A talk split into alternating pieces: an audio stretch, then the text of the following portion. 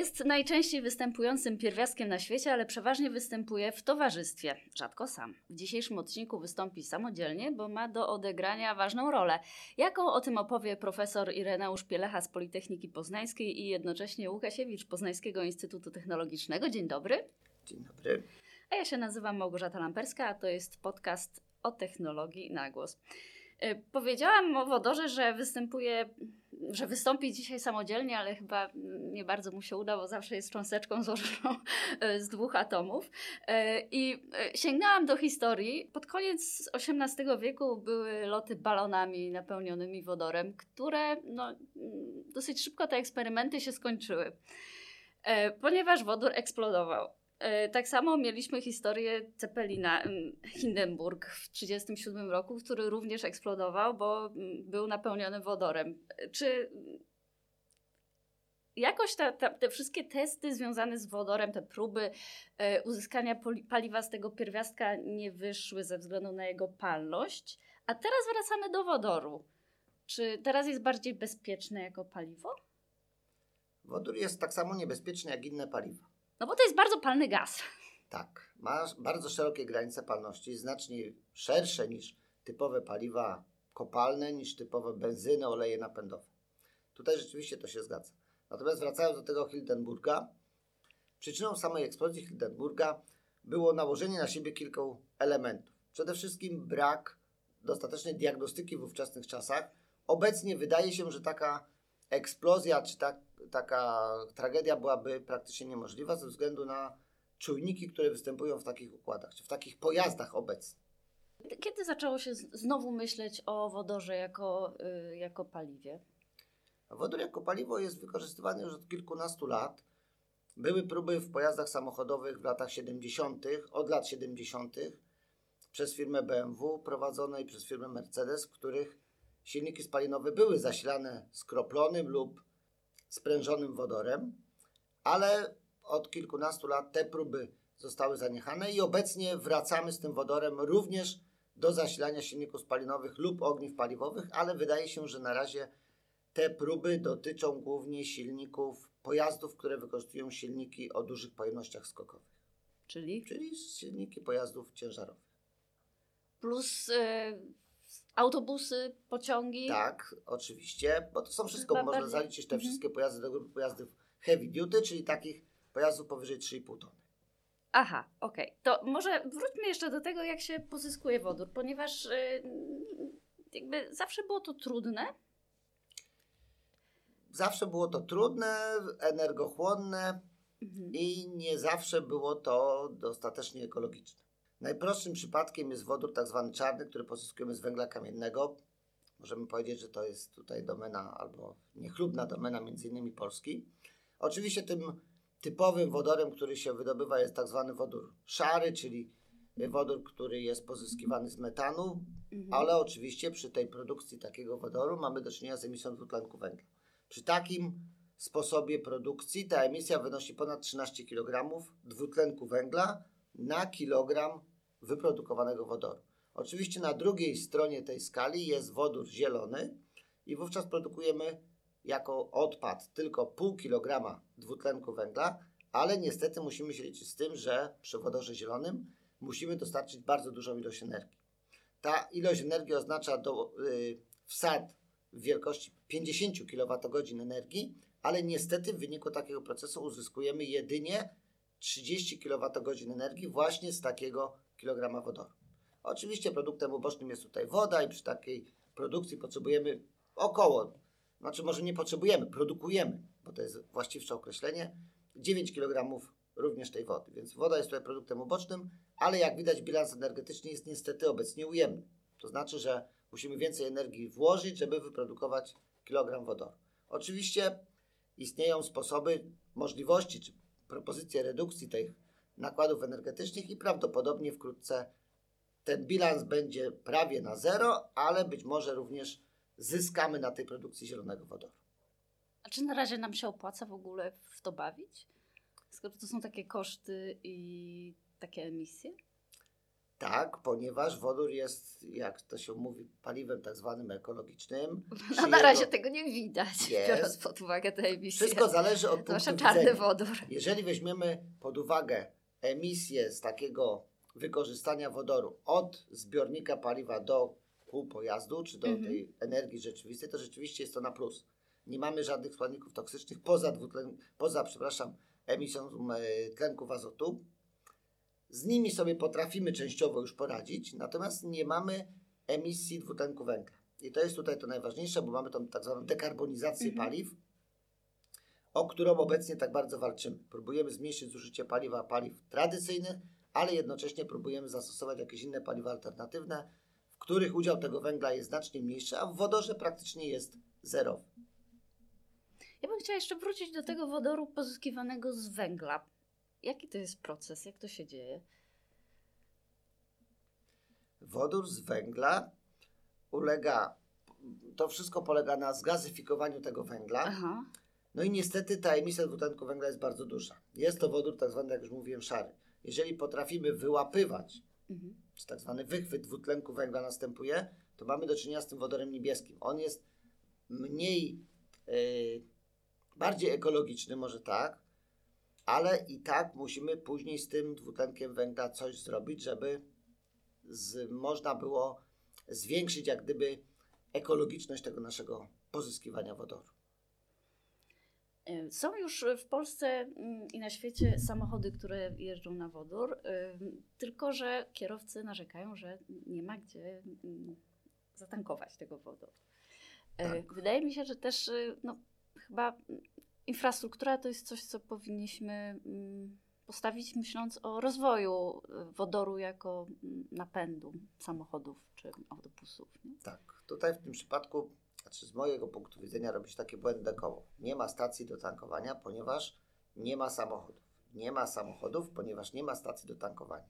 I właściwie Jest chyba tylko jedna w Polsce, nie? Tak, w Polsce już jest kilka, w Poznaniu jest jedna, w Warszawie jest jedna. One mówi się, że będą za chwilę powstawały. Mobilnych stacji na pewno jest więcej, ale takich tradycyjnych jest znacząco mniej. Wszystko bierze się z tego, że takie tankowanie wodoru jest bardzo drogie. Współcześnie w stosunku do innych paliw jest bardzo drogie.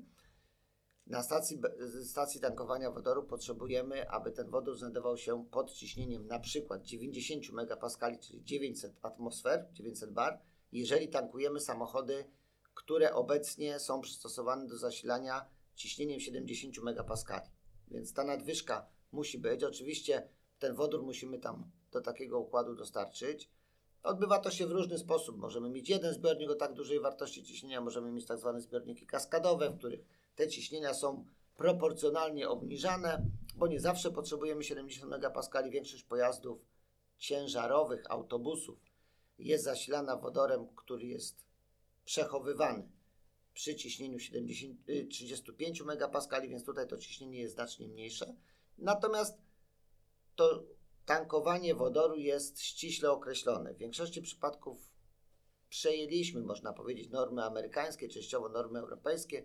Tutaj natężenie przepływającego paliwa jest praktycznie limitowane. Wszystko y, jest ukierunkowane na to, aby podczas przepływu paliwa ze zbiornika czy z dystrybutora do zbiornika w samochodzie nie przekroczyć wartości temperatury określonej. I tutaj ta temperatura limituje nam natężenie przepływu, a jednocześnie limituje nam czas tankowania takiego pojazdu. Średnio można powiedzieć obecnie czas tankowania pojazdu to jest około 3 do 5 minut, To tak jak samochód zwykły. tak jak więcej. samochód konwencjonalny. I tu jest właśnie ta duża zaleta, czy przewaga nawet można powiedzieć, Nad wodoru w stosunku do napędów elektrycznych. A czy takie instalacje do tankowania wodoru mogłyby się znajdować normalnie na stacjach benzynowych? To jest y, duże ryzyko, że na przykład mamy benzynę, ropę i wodór, że to wszystko wybuchnie, czy, czy nie? Ja myślę, że tutaj nie ma zbyt dużego ryzyka, że wybuchnie, natomiast sama technologia zbiorników y, wodoru jest zupełnie inna niż zbiorników konwencjonalnych Mhm. do paliw ciekłych. Tutaj nie mamy żadnego sprężenia, nie mamy żadnego innego czynnika, który musimy w taki dokładny sposób kontrolować, jak to jest przy wodorze. Niestety te instalacje są bardzo drogie, koszty są również wysokie. Można powiedzieć, że koszt kilograma wodoru w Poznaniu na przykład to jest około 56 zł. Ostatnio cena, która widniała na stacji w, na ulicy Warszawskiej. Średnio mówi się, że jest to wartość nieco większa, około 70 zł za kilogram. No ale z drugiej strony trzeba powiedzieć, że kilogram paliwa, wodoru wystarczy dla, w samochodzie osobowym na przejechanie około 100 km. Czyli tak bardziej się będzie opłacało niż benzyna. Na razie tak, jeżeli takie będą koszty. Trudno Mhm. powiedzieć, czy te kwoty się utrzymają. Wydaje się, że te kwoty będą zmniejszać się i rzeczywiście kilogram wodoru to jest 100 km, więc to mniej więcej obecnie jest porównywalne z typowym takim niewielkim samochodem osobowym, który zużywa średnio powiedzmy 5-6 litrów na 100 km. Przy większych oczywiście ta, te proporcje się troszeczkę odwracają. A tak za jednym tankowaniem w cudzysłowie, ile można tego wodoru do samochodu mm, Wszystko zależy, jakie są Zatankować? zbiorniki. W typowym Miraju na przykład mamy zbiornik o pojemności około 5,5 kg, więc jak łatwo sobie policzyć, mamy zasięg około 550 km, Okej, taki rzeczywisty. Oczywiście możemy mówić o tym, że te zasięgi będą nieco większe. Już się mówi o tym, że taki Miraj potrafi pokonać około 700 km, bo to średnia jest ta wartość 1 kg. Mhm. Trudno powiedzieć, żeby e, w każdych warunkach był to 1 kg. Oczywiście tak jak przy tradycyjnym pojeździe, raz mamy większe zużycie paliwa, raz mamy mniejsze. Wiadomo. A my tankujemy na razie w Polsce jakiego koloru wodór? Szary? Czy jest już zielony dostępny? Wszystkie samochody osobowe, które obecnie są produkowane, to są samochody z ogniwami paliwowymi. Czyli nie Mhm. zużywamy tego wodoru w silniku spalinowym, tylko w ogniwach paliwowych. Wodór do ogniw paliwowych musi mieć odpowiednią jakość. To jest tak zwany wodór pięciodziewiątkowy, czyli 99,999%. Trudno powiedzieć, z czego on jest y, produkowany, bo nie wiemy, nie musimy Aha. wiedzieć, z czego jest produkowany. Ważne, żeby Ważne, żeby spełniać Klasa. standardy. Mhm. tak, klasa jakościowa, żeby była spełniona. W Polsce dużo wodoru produkujemy? Jak wyglądamy na tle Europy? Myślę, że w Polsce kilka lat temu byliśmy jednym z czołowych producentów wodoru, oczywiście nie do zastosowań samochodowych, tylko do zastosowań przemysłowych. Mhm. To rzeczywiście byliśmy na jednym z głównych miejsc.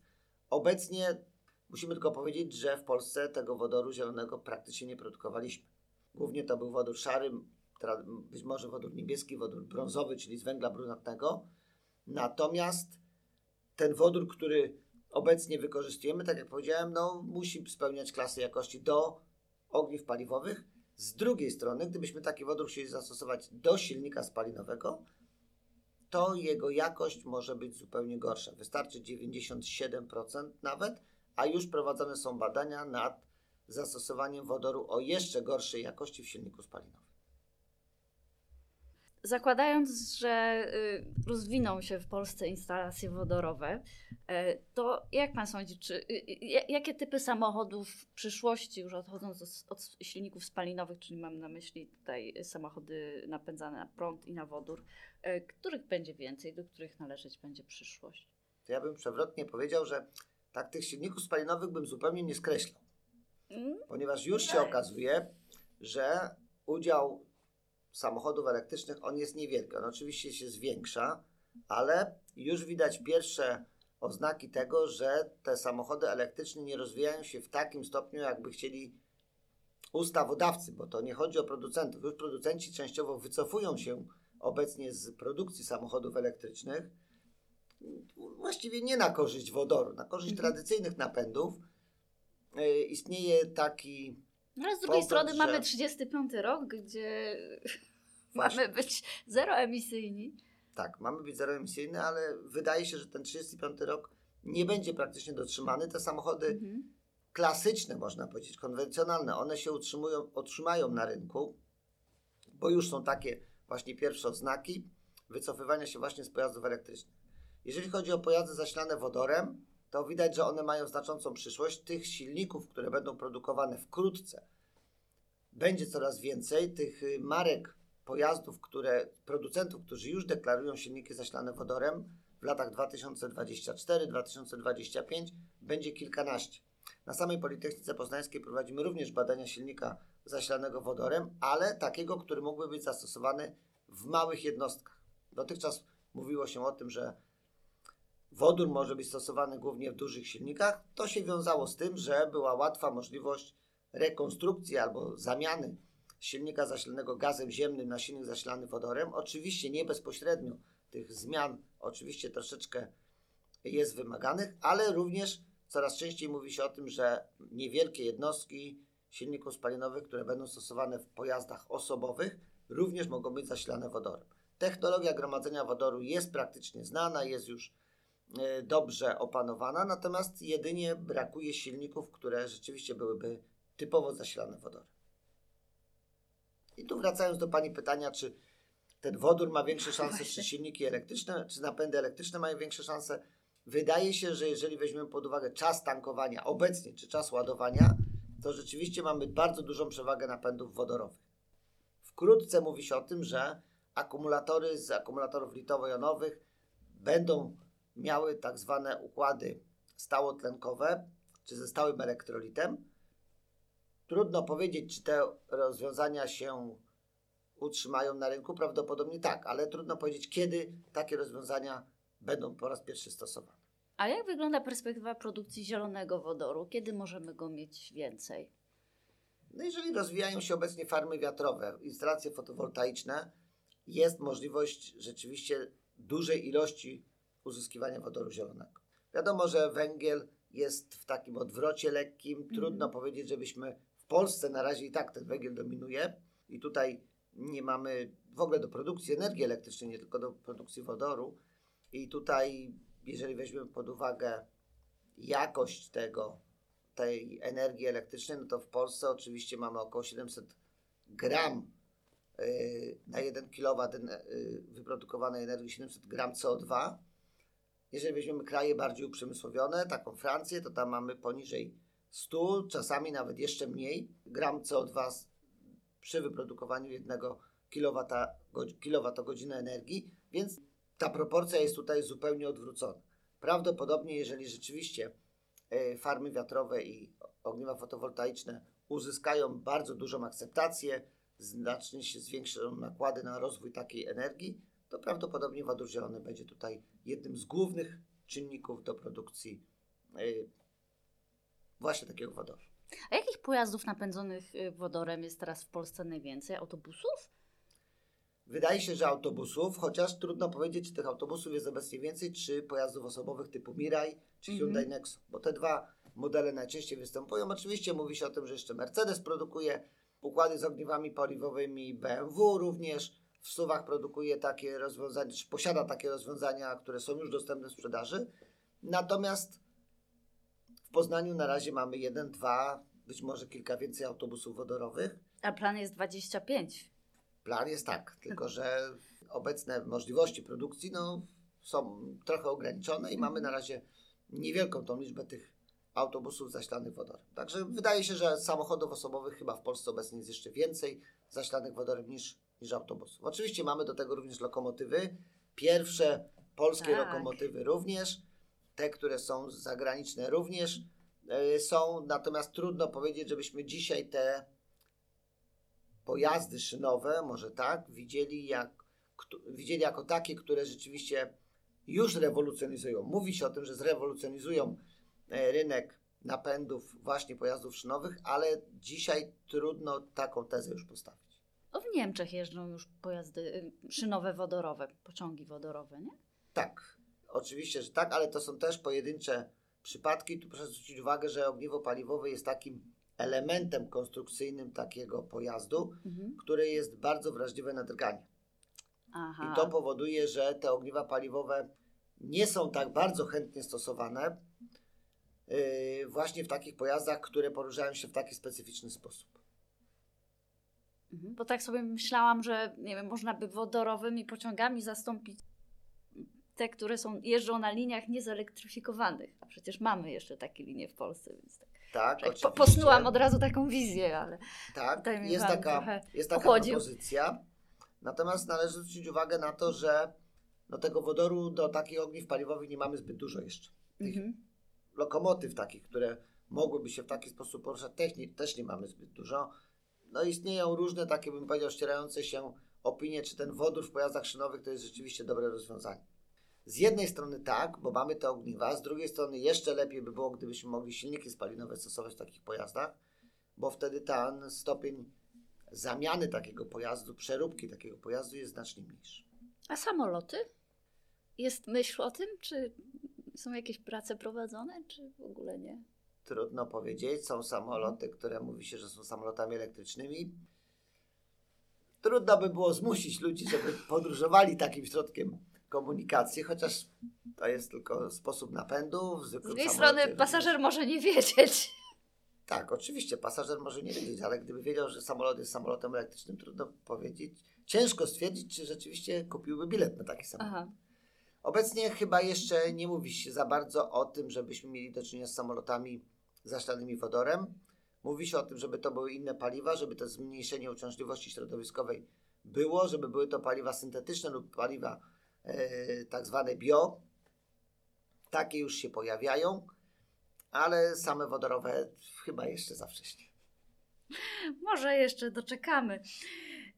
Jeszcze chciałabym wrócić do kwestii bezpieczeństwa wodoru, bo ten, ten wątek się mm, przewijał, ale tak żeby domknąć e, temat. E, te samochody, te pociągi, te autobusy są bezpieczne, możemy spokojnie nimi podróżować.